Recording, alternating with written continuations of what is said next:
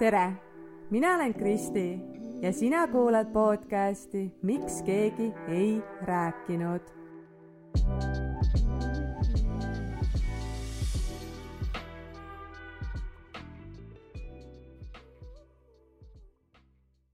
ma ei kujuta ette ka, milline see sõit see aasta olema saab.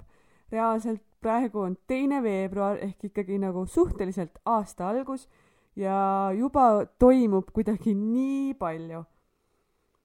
esimene veebruar kaks tuhat kakskümmend kolm aasta on minu jaoks või oli minu jaoks täiesti selline puhas leht ja uus algus. nimelt äh, ma lõpetasin töösuhte oma vana tööandja juures ja nüüd ma olen lihtsalt valmis kõikideks uuteks põnevateks äh, ettevõtmisteks mis siis äh, elu nüüd toob mulle. Äh, kuigi hetkel otseselt ju minu päevades äh, midagi ei muutu, sellepärast et ma olen juba väga-väga-väga mitu aastat kodune olnud, siis ma tunnen, et selle otsusega ja et ühe asja äralõpetamisega, sellega kuidagi mingi tohutu raskus, koorem justkui kadus ja olemine on selline hästi värske et tõesti on selline puhta lehe tunne, et äh, ma saan hakata siit äh, kirjutama uut peatükki, uut lugu. plaanin äh, kasvada ja areneda, ma võtan selle aasta õppimiseks, erinevateks kursusteks. loodan ikkagi aasta teises pooles ka kindlasti korralikult tööle hakata mm et ma jah, üritan sellesse enesearengusse ja, ja kõikidesse uutel, uutesse võimalustesse, kõigesse sellesse ise võimalikult äh, palju panustada ja ma usun, et sellest tuleb üks äh, tõsiselt äh, tore, tore aeg. eile ma käisin ka psühholoogi vastuvõtul ja me vestlesime seal jälle oma tunnikese ja jõudsin järjekordselt äh, nii-öelda selle tõeni, et äh, et minu mured ja minu ärevus, no nende algpõhjus on ikkagi seal sügaval minu sees see tunne, et ma ei ole piisav. ja tundub, et selle uskumuse muutmine on ikka oluliselt äh, suurem töö kui lihtsalt selline otsustamine, et jah, ma nüüd usun, et ma olen piisav. et päris nii, nii kergelt äh, see ei käi, et ma olen küll äh, suutnud päris palju seda nii-öelda paremaks mõelda, uskuda endasse, aga ma nii väga tahaks öelda, et ma tõesti sajaprotsendiliselt usun, et ma olen vajalik ja väärtuslik, aga no tegelikult väga paljus olengi õppinud seda uskuma ja tundma päriselt. samas on kohti, kus ikkagi see vastupidisel kujul välja lööb. sügaval sisimas on see ikkagi nii tugevalt kinnistunud ja midagi muud ei jää üle, kui lihtsalt sellega tööd teha, nendele asjadele otsa vaadata, neid lahendada, teadvustada, et lihtsalt tööd, tööd, tööd iseendaga sest üht või teist teemat lahates ma ju ikkagi jõuan sellesama asjani, ebapiisavustundeni, järelikult ongi vaja neid külgi ja tahke ja asju nii palju avada, kuni suures pildis on kõik äh, hästi. miks ma oma aega piisavalt ei võta? sest ma ei tunne sisimas, et ma olen väärt seda oma aega. ohverdan. miks ma nii palju oma piire nihutan? lasen neid teistel nihutada sest ma tunnen, et olen teistest vähem väärt või, või mul on hirm selle ees, et, äh, et kui ma nagu enda eest nii-öelda ei seisa ja teen sellega justkui neile liiga, siis mis nemad minust arvavad või, või mis siis mina läbi nende endast kuidagi arvan. ja, ja see kajastub tegelikult kogu elus, igasugustes erinevates eluolukordades täna ma saan öelda, et ma olen tegelikult tänulik, et ma olen äh, selle avastanud, seda endale teadvustanud, et ma olengi just selles kohas, kus ma praegu olen ja mul on võimalus ausalt end oma psühholoogile avada, rääkida, ükskõik kui tobedad need asjad mulle endale ka ei tunduks, ja, ja sedasi me jõuamegi nende igasuguste juurpõhjusteni ja ma saan oma ülesandeid ja proovin siis äh, ennast sellest välja nii-öelda või ümber kasvatada. mina ise näiteks ei oleks osanud leida seost äh, helistamise ja eneseväärtustamise vahel. nagu sellisel kujul, et ma kohe räägin sellest. ma olen äh, kunagi ammu tööalaselt äh, läbi telefonikõne haiget saanud, puudutada saanud, solvata saanud ja, ja ma olengi nii-öelda läbi selle telefonikõne helistamise, võõra inimesega suhtlemise läbi telefoni, äh, selle, läbi selle ma olen tundnud, et mina ei ole piisav, ma ei tea piisavalt, ehk ma olen rumal, ma ei oska piisavalt, ma olen saamatu, ma ei ole piisav, ma ei ole piisav. et piisas sellest ühest mingist suvalisest võõrast tädikesest, kes nähvas, kellega kunagi tööalaselt kokku puutusin ja, ja sealt nii-öelda see ebakindluse taimekene siis sai sinna minu sisse istutatud. et see oligi mu selline nii-öelda eilse selle teraapiaseansi taipamine et mulle tõesti ei meeldi telefoniga helistada. ma ei taha helistada arstile, et panna lapsele aega, ma ei taha helistada sõbrannale, et talle palju õnne sünnipäevaks soovida. Mulle ei meeldi helistada, ma lihtsalt võimalusel annan selle kellelegi teisele või kirjutan emaili, teen läbi e-keskkonna kõiki toimetusi, ma lihtsalt ei taha helistada. Ja selle taga on see hirm, et ma ei, ei kontrolli justkui seda olukorda, ma ei tea, mis sealt teiselt poolt toru saama hakkab. kas ma helistan õigel ajal, kas sellel inimesel on hea tuju, halb tuju, kuidas ta minusse suhtub? Et ma kardan, et, et mina teen midagi valesti, et kasvõi see, et ma helistan valel ajal. ma ei tea. ma kardan seda, et ma teen valesti. ja see tekitab minus seda ärevust, ebakindlust ja, ja jah, lõpuks ma siis jõuangi selle tra-, traumani siis, et äh, mina ma ei tunne ennast äh, järelikult piisavalt äh, väärtuslikuna. Ja isegi kui ma ise helistades äh, vähemalt ju enam-vähem tean, mis, mis kõne see on, et kas ma helistan, ma ei tea, arstile, nõustajale, emale, sõbrannale, siis äh, eriti hull on veel vastupidi see, et, mitte vastupidi, vaid eriti hull on see, kui keegi teine helistab mulle. Ehm, võõras number, et ma ei tea, kes see on, miks ta mulle helistab, mida ta tahab, äkki ta pakub midagi ja mina, mina ei oska ei öelda. ma ei oska öelda ei, ma ei oska või ei suuda seada piire, end kehtestada ja see tekitab minust tohutut suurt ebamugavust. ja ma lihtsalt ei, ei vasta võõrastele numbritele. samas jällegi ma tekitan sellega sellise olukorra, kus ma äh, tihtipeale võib-olla jään hoopis ilma, jään ilma millestki heast. mingist asjast, mida mul tegelikult oleks vaja teada, olgu see siis äh, analüüside vastused või, või ukse taga ootav kuller.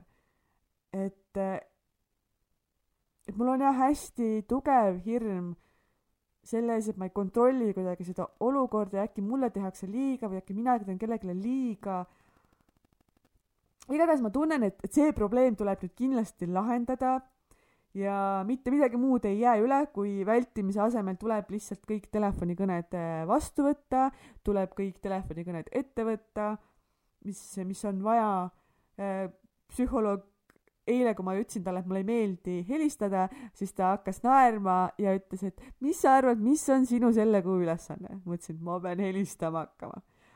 et äh, jah, igatahes ma teen sellega algust ja, ja, ja võtan selle probleemi lahendamiseks ette.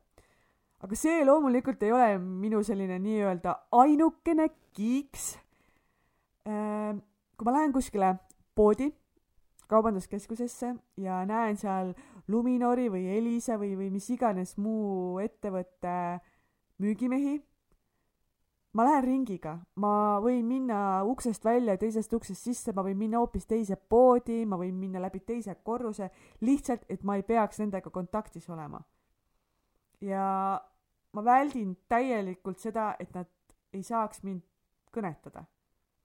ja siinkohal ei ole asi selles, et ma suhelda ei tahaks, et ma kardaks neid uusi või võõraid inimesi või, või et mul oleks nagu jube kiire.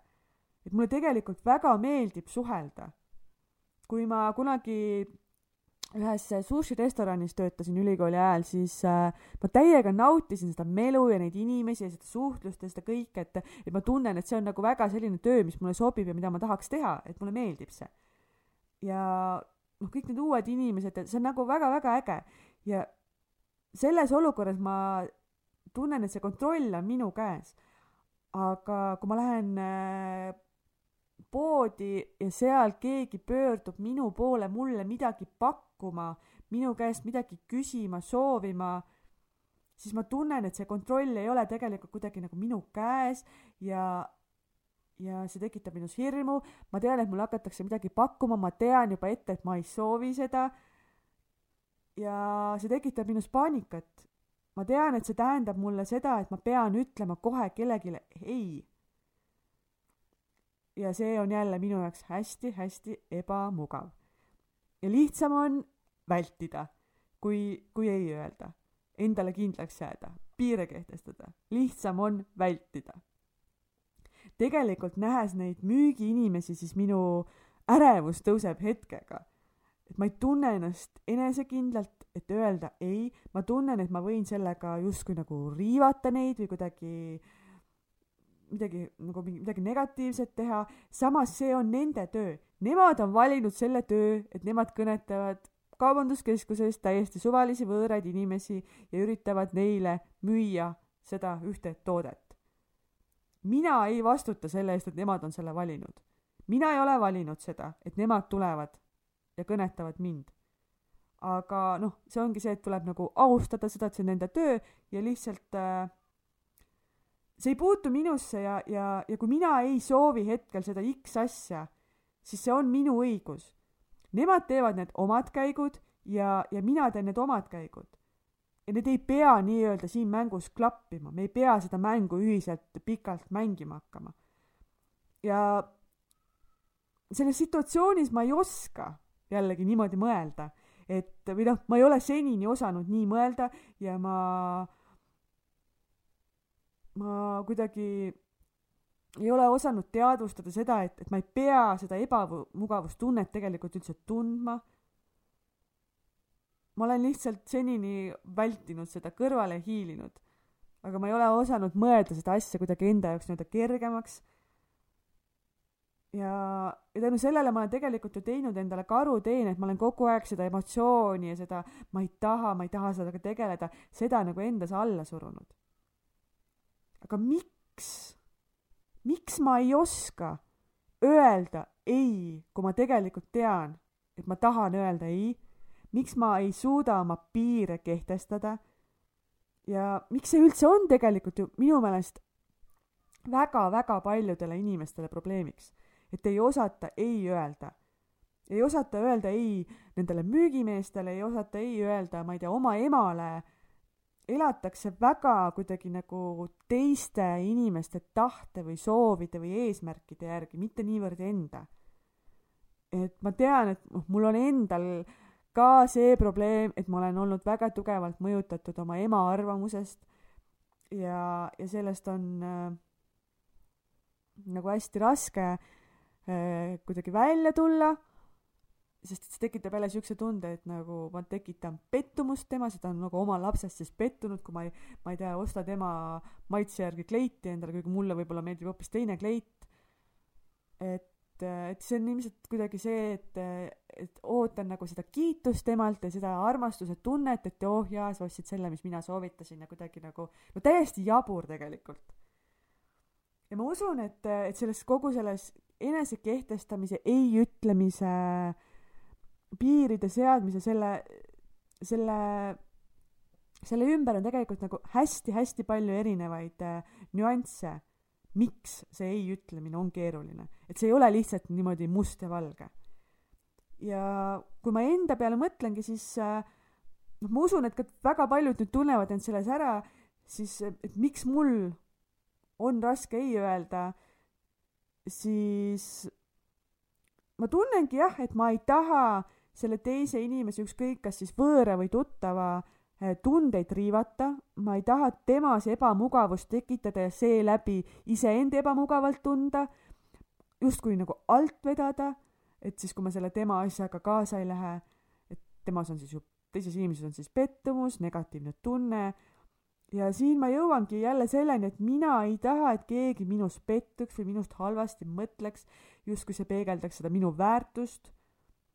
Ma ei, ma ei taha oma käitumisega tekitada negatiivseid emotsioone, sest äh, see teeks nagu minust halva inimese teise inimese silmis. et ma täiesti ausalt ütlen, et ma niivõrd ei muretsegi selle pärast, äh, ma arvan, et ma teen teisele inimesele liiga vaid et see teine inimene näeb, et mina käitun niimoodi, et ma teen talle liiga, et just jah, see minu väärtus. et ma muretsen just selle pärast. ja see on jah, üks selline lugu, mida ma olen endale rääkinud. pluss see, et sisimas ma ei tunne päriselt ilmselt siis piisavalt seda, et ma olen väärt ja välja teeninud selle oma soovi või ma ei peagi tegelikult nagu ju midagi välja teenima. Need on minu elementaarsed õigused otsustada, mida ma tahan ja mida ma ei taha, kuulata enda sisehäält, sisetunnet. Et aitäh, aga ma praegu ei soovi seda või teist. et ei pea ju tegelikult nagu midagi halvasti sellele teisele inimesele ütlema, vaid viisakalt saab alati enda seisukoha selgeks teha ja siis sellele kindlaks jääda.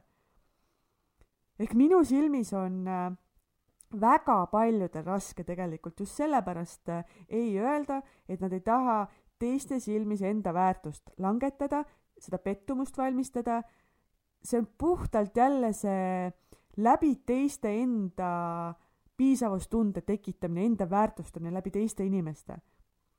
et on lihtsam nii-öelda enda need päris soovid ja tunded alla suruda sest et nendest ju keegi teine ei tea, meie sisse keegi teine ei näe ja ennast siis näidata nii-öelda sellise parema inimesena.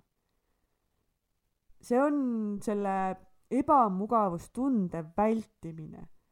aga see nagu näiliselt, siis tegelikult see, kui me nagu tunneme, et me sooviksime öelda ei või meil on mingid piirid, mida me, noh, mis hakkavad nagu liikuma, millest hakatakse üle astuma, siis see ju tegelikult tekitab ka meis ääretult suurt ebamugavust et äh, et me üritame vältida seda ebamugavustunnet tegelikult nagu teises inimeses. et me ei tekitaks teisele inimesele seda tunnet. aga meis endas on see, et see ei ole, see ei ole kuskilt otsast aus.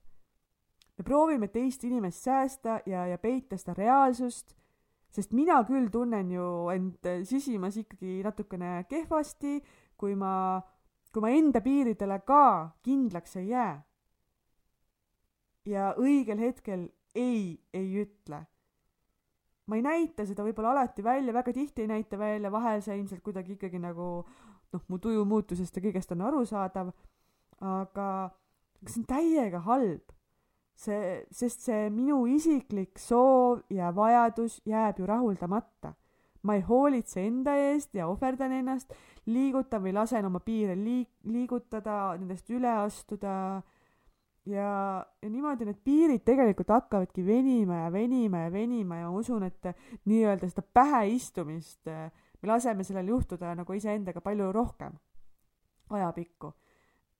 mulle väga meeldib üks ütlus, mis on mulle Katre, Katre Kulboki enesearmastuse väljakutsest meelde jäänud juba siin mitu-mitu aastat, et teistele noh, ma, ma päris ei oska seda tsiteerida, aga põhimõte on see, et teistele ei ütlemine tähendab endale jaa ütlemist.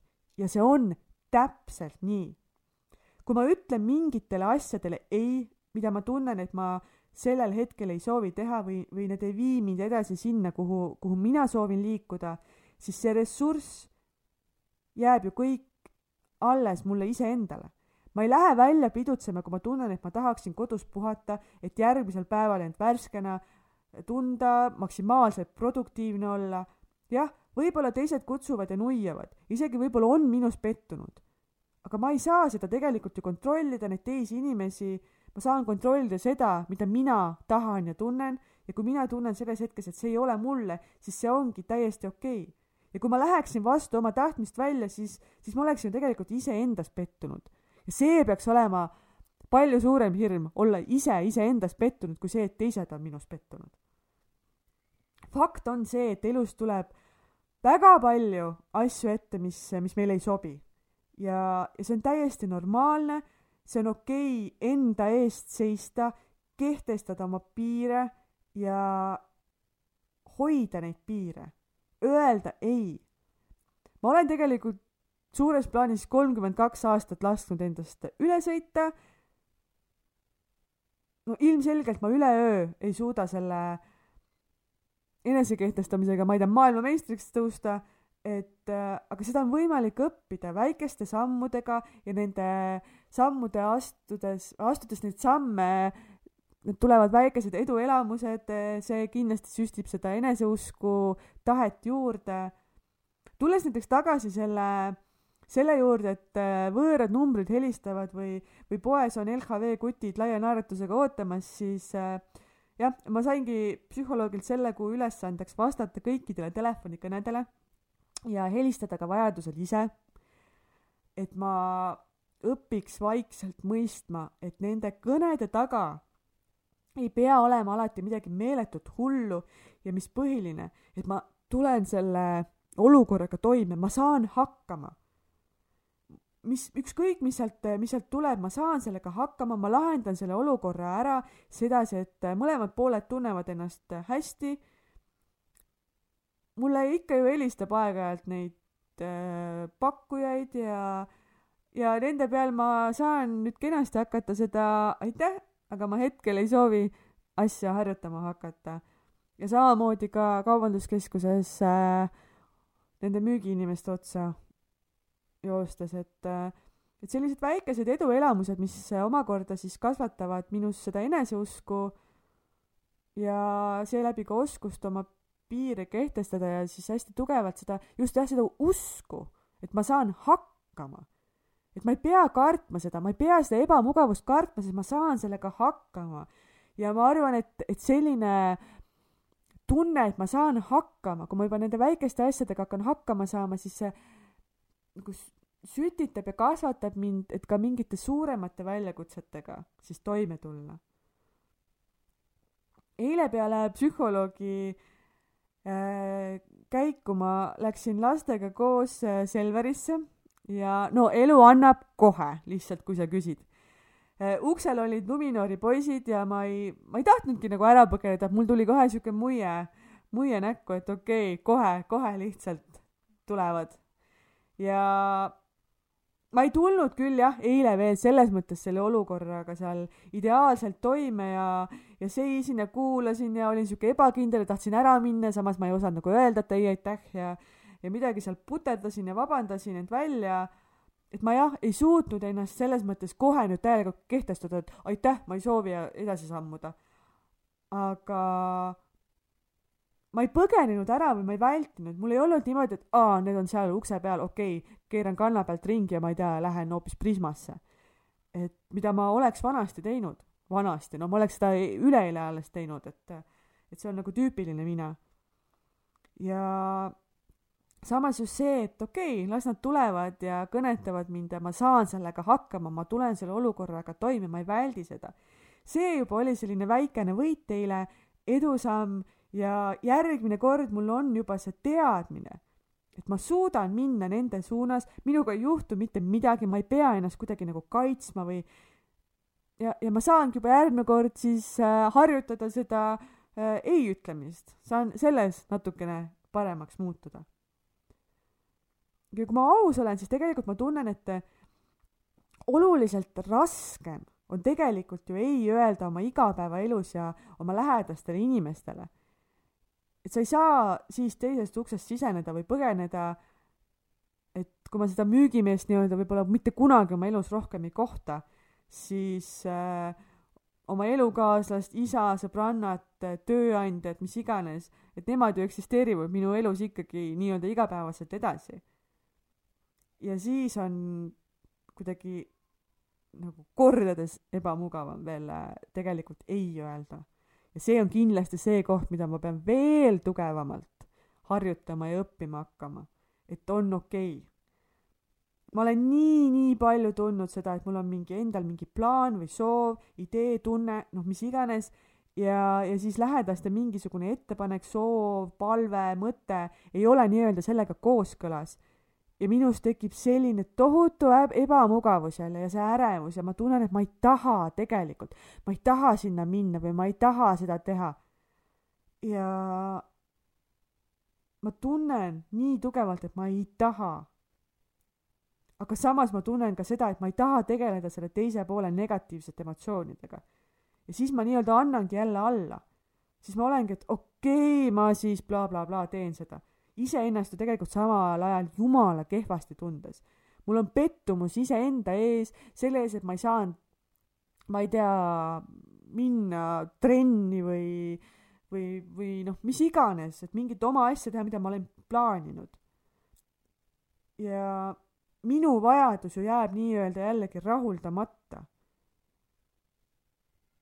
aga sisimas ma tunnen ikkagi nagu selle teise inimese ees pahameelt. ma tunnen, et tema tuli ja rikkus selle minu asja ära. samas ma ei teinud oma suud lahti, ma ei öelnud ei, ma ei kehtestanud oma piire. et ma ei saa ka nagu seda nii-öelda viha tegelikult teise inimese kanda, anda, kas või siis enda peas. et, äh, et jah, et selle asemel, et ma oleksin lihtsalt öelnud, et vabandust, aga praegu see ei sobi minu plaanidega, öelnud ei kehtestanud end, sest äh, ei ütlemine on täiesti normaalne. ma ei saa võtta vastutust kellegi teise tunnete ega emotsioonide eest. et kui mina teen midagi endast lähtuvalt, et kui see neile kuidagi halvasti mõjub, noh, kui ma nagu, ma ei mõtle niimoodi tahtlikult halvasti tegemist kellelegi, aga ongi see, et ei, et ma, ma ei tule sulle täna külla. et, äh, et noh, kui ta tunneb mingit pahameelt, siis, siis see on tegelikult nagu tema tema teema. ma saan vastutuse võtta ju ainult äh, iseenda tunnete ja soovide eest. on täiesti normaalne iseennast esikohale seada. ja, ja see on ka okei okay,, et meie soovid, meie arvamused, tegevused, äh, et see kõik muu, et see ei ühti kogu aeg teiste omadega. ja, ja kõik kõik, mida pakutakse kuskil, see ei ole alati selles hetkes meile, võib-olla pole kunagi meile ja see ei peagi olema.